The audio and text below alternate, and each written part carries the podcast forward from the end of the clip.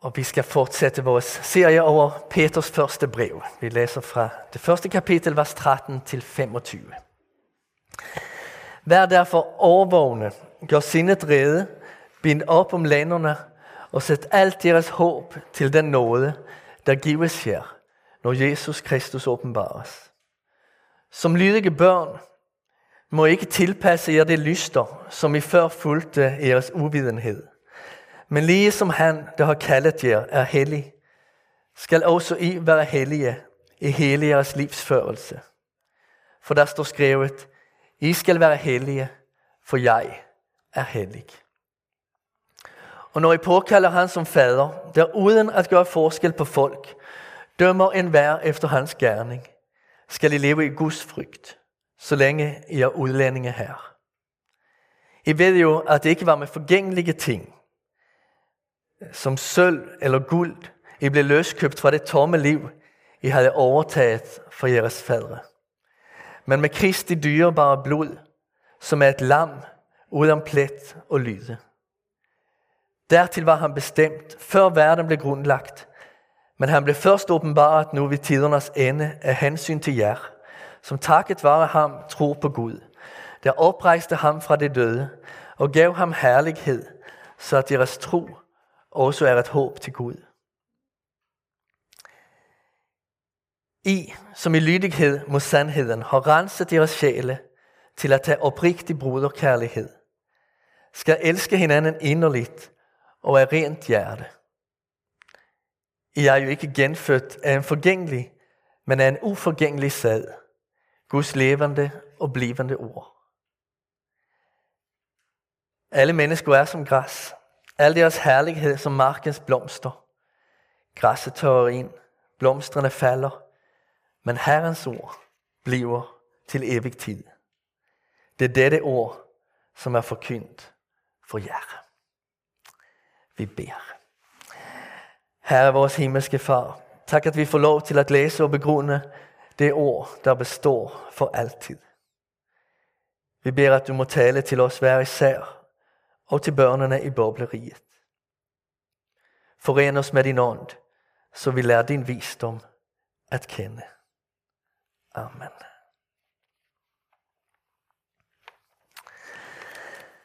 Hvordan skal vi leve vores liv? Hvad skal vi bestræbe os på?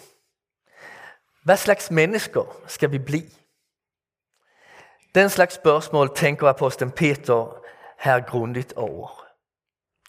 Som missionær har han mødt en kultur i lille Asien, det nuværende Tyrkiet, som man oplever ender i kortvarig nydelse, men langvarige problemer. Han konstaterer, at det, som de nykristne i menigheden har med sig i bagagen fra den kultur, vidner om en total uvidenhed om, hvad der er bestående godt. Det er en kultur, hvor man følger sine lyster, uanset den livsstils pris. Peter indikerer også, at sølv og guld er vigtigt i den kultur. Altså at der er en umættelig stræben på at eje mere og mere. Begærerne voksede sig åbenbart kun større, og man blev aldrig tilfreds. Jo mere man fik, desto mere ville man have. Vi lever i en kultur, der er gået, som er gået så langt af den vej, som man også gik i Lille Asien, at det er med stor uro, vi nu ser frugterne af den.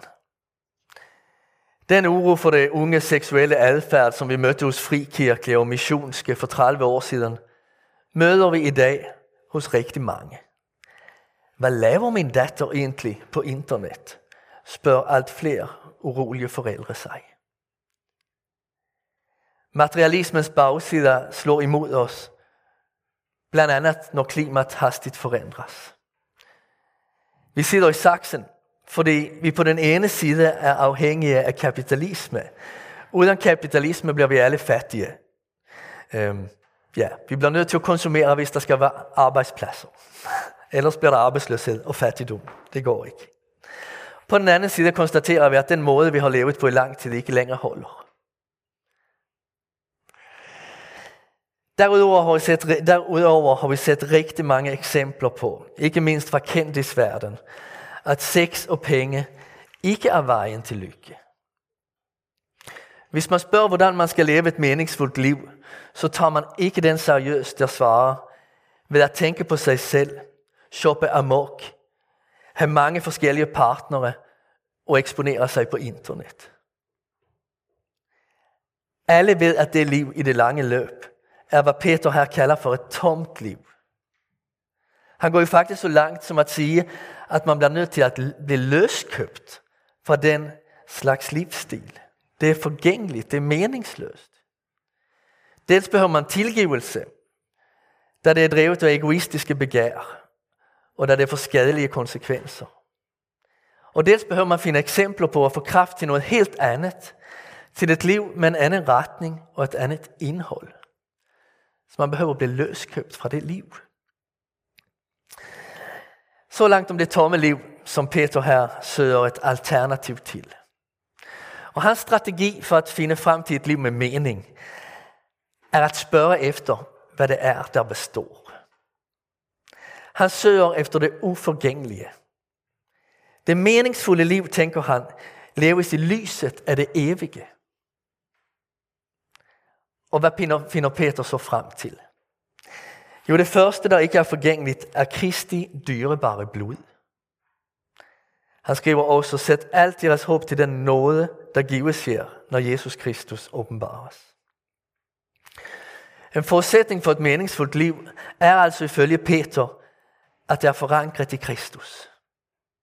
Kun den, der er frikendt fra skylden, kan række ud efter dette meningsfulde liv.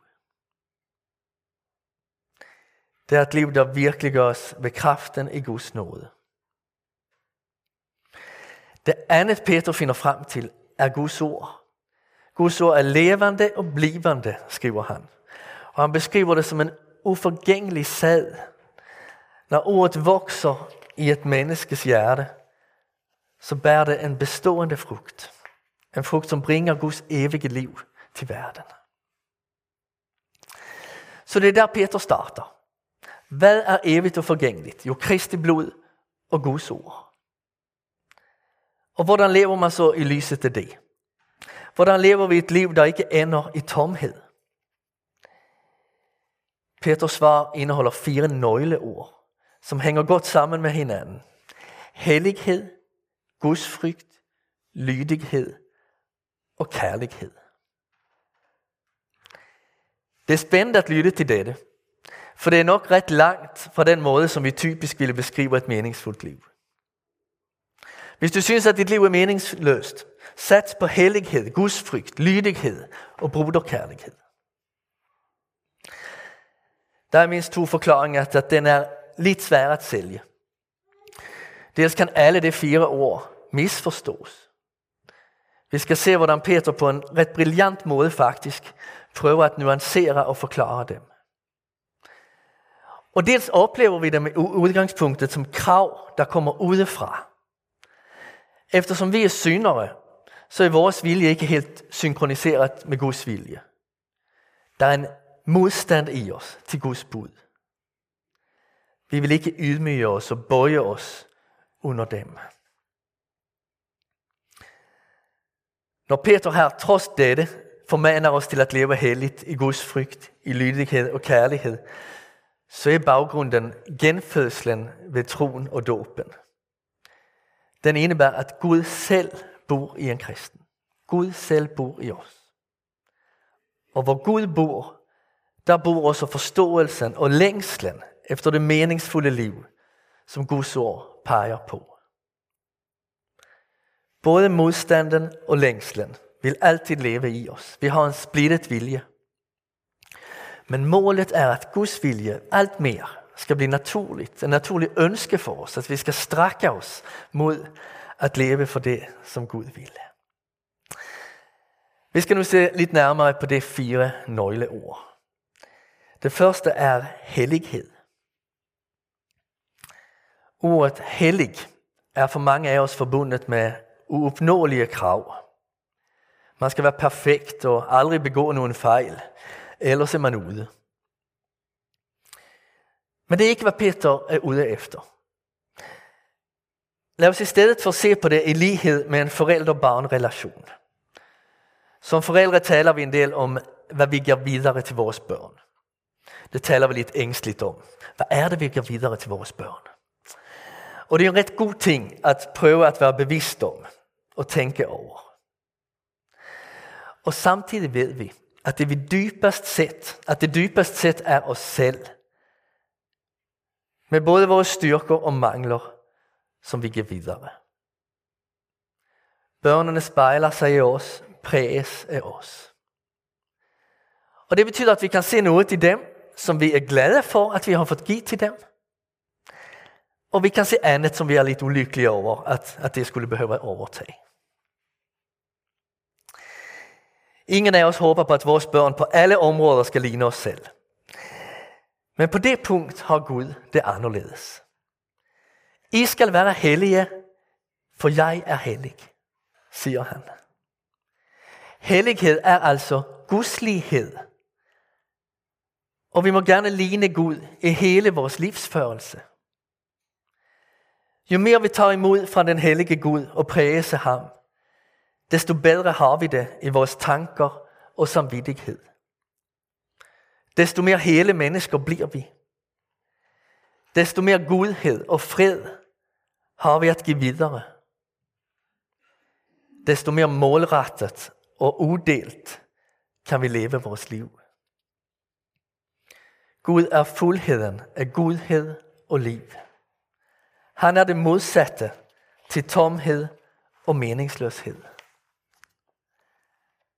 Og han kalder os til det modsatte af et liv ud fra lyster og begær. Vi får lov til at forvandles af Guds hellige nærvær i sit ord og i sin kirke.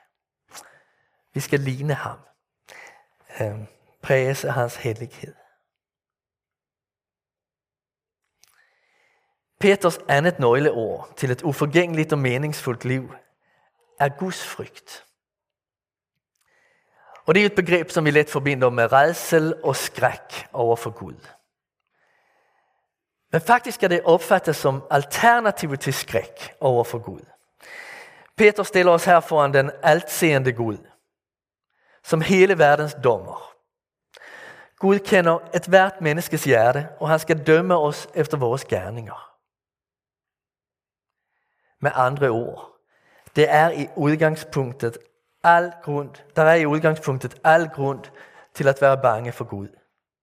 Man er faktisk lidt dum, hvis man ikke er bange for Gud. Det er umodigt at se op mod stjernehimlen og sige, alt dette har Gud skabt, og en dag skal han dømme mig. Men det er jeg ikke bange for. Jeg er ligeglad med ham. Men hvad kan så give ro i forhold til Guds dom? Jo, svarer Peter, hvis Gud bliver vores himmelske far. I kraft af Kristi offer. Så vil vi stadigvæk have den største respekt for ham, som hele verdens dommer. Men vi vil samtidig være trygge, da han står på vores side. Sådan her skriver Peter. Og når I påkalder ham som far, der uden at gøre forskel på folk, dømmer en hver efter hans gerning, skal I leve i Guds frygt, så længe I er udlændinge her. Hvis vi stod i en rettergang og var sikre på at blive frikendt, ville vi nok ikke være bange for dommeren. Men vi ville beholde en respekt for ham eller hende, for deres kompetens og embede. Vi ville vide, at vores skæbne var afhængig af hans klarsyn og retfærdighed.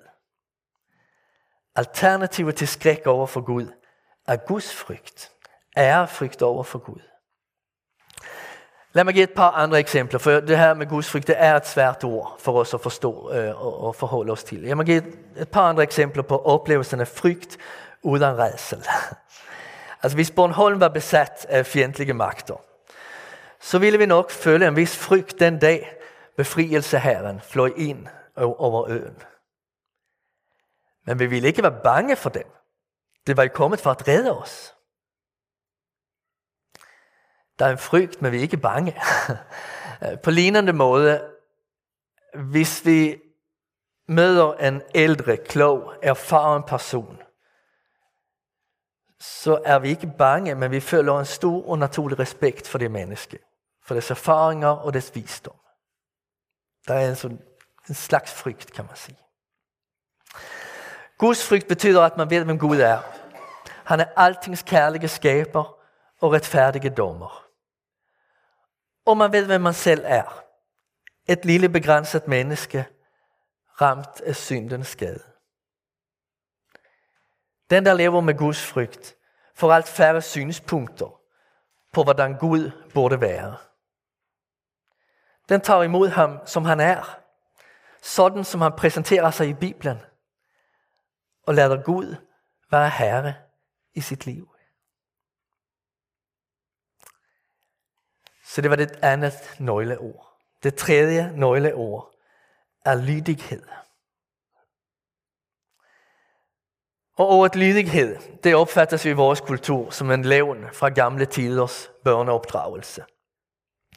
Børn skulle adlyde, ellers fik det smæk. Hvis man adlyder, så gør man det i moderne forståelse af tvang, for at slippe for straf. Og desuden er lydighed noget, for det meste noget helt blindt, noget nærmest sekterisk, som man gør uden at tænke selvstændigt. Øh, det adlød lederen helt uden at tænke selvstændigt, og så gik det galt. Så der er noget farligt ved lydighed, kan man sige, i, i vores kultur. Og det er uden tvivl et ord, der er blevet misbrugt mange gange. Så der er en grund til, at vi, ja, at vi, vi bruger det med vis bevidsthed, kan man sige. Men tænker vi efter, så er ordet lydighed noget positivt og godt. Ingen af os ville sidde her i dag, hvis vi ikke havde fulgt vores forældres forbud for det, der var farligt i tilværelsen. Jeg fandt min treårige søn under spisebordet med en aske tændstikker forleden dag. Og det var nødvendigt at kræve, at han rakte, rakte mig dem. At han adlydede mig. Mm. At adlyde sin læges ordination. For at tage et andet eksempel. Er tit forbundet med håb og forventning. Snarere end med tvang og ufrihed. Det er en positiv form for lydighed. Lægen giver mig råd og, og anbefalinger og, og medicin, og det er jeg glad for. Jeg adlyder det gerne, fordi jeg ønsker et bedre helbred. Siden marts sidste år har vi ofte brugt ordet samfundssind. Og det er en synonym for lydighed, kan man sige. At vise respekt over for sine medmennesker, det er at adlyde en fælles sundhedsplan. Man gør ikke rigtigt, hvad man har lyst til i øjeblikket. Man tænker på det andre. Man underordner sig under det fælles. Det er det, hvad lydighed handler om. At underordne sig under noget fælles. Det er derfor, det kræves en form for lydighed i klasseværelset. For hvis, hvis alle gør, hvad de har lyst til, så bliver det uro. Man underordner sig under det fælles formål med at være i, i, i klasseværelset. Så det er noget godt. Det er noget nødvendigt med lydighed. En forudsætning for at vise lydighed i en given situation er, at det bliver påbudt, øh, at det, der bliver påbudt, både opfattes som udtryk for omsorg og for sund fornuft. Man gider ikke at følge en helt idiotisk formaning, givet af en person som med, med et uhemmet trang til at udøve magt over en. Det gør man bare ikke. Peter motiverer lydigheden mod Guds ord, mod Guds ord ud fra Guds kærlighed. Som lydige børn, skriver han i indledningen. Som børn til en kærlig himmelsk far som har omsorg for jer. Mod slutningen taler han om lydighed mod sandheden. Guds formaninger er altså kærlige, men også fornuftige. Det er ikke lunefulde, men i kontakt med virkeligheden og det gode. Og det er også, det betyder, at Gud er hellig, at han ikke er lunefuld, at man kan stole på ham, at han er konsekvent. En tid efter at en kvinde, som jeg kender lidt, var kommet til tro, konstaterede hun overrasket, tænk at den største glæde ligger i lydigheden mod Gud. Det har jeg aldrig kunnet forestille mig.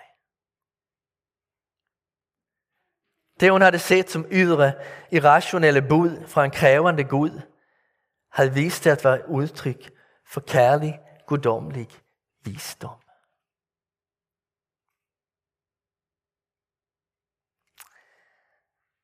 Og så det fjerde og sidste udtryk for et rigt og meningsfuldt og uforgængeligt liv. Det er kærlighed. Eller mere, mere præcist, bruderkærlighed. I som i lydighed mod sandheden har renset deres sjæle til at have oprigtig bruderkærlighed, skal elske hinanden inderligt og af rent hjerte. Endnu en gang sigter Peter højt. Vi er kaldet til at søge fremme det gode for vores medmennesker, og ikke leve for os selv. Men naturligvis ved Peter, at ingen af os elsker af et rent hjerte. Hvis vi kunne det, ville, ikke, ville vi ikke behøve at bede hver søndag i vores nadverritual om at blive brændende i den indbyrdes kærlighed. Men det er den retning, som Peter peger os imod. Og han viser på, at det starter med synsbekendelsen.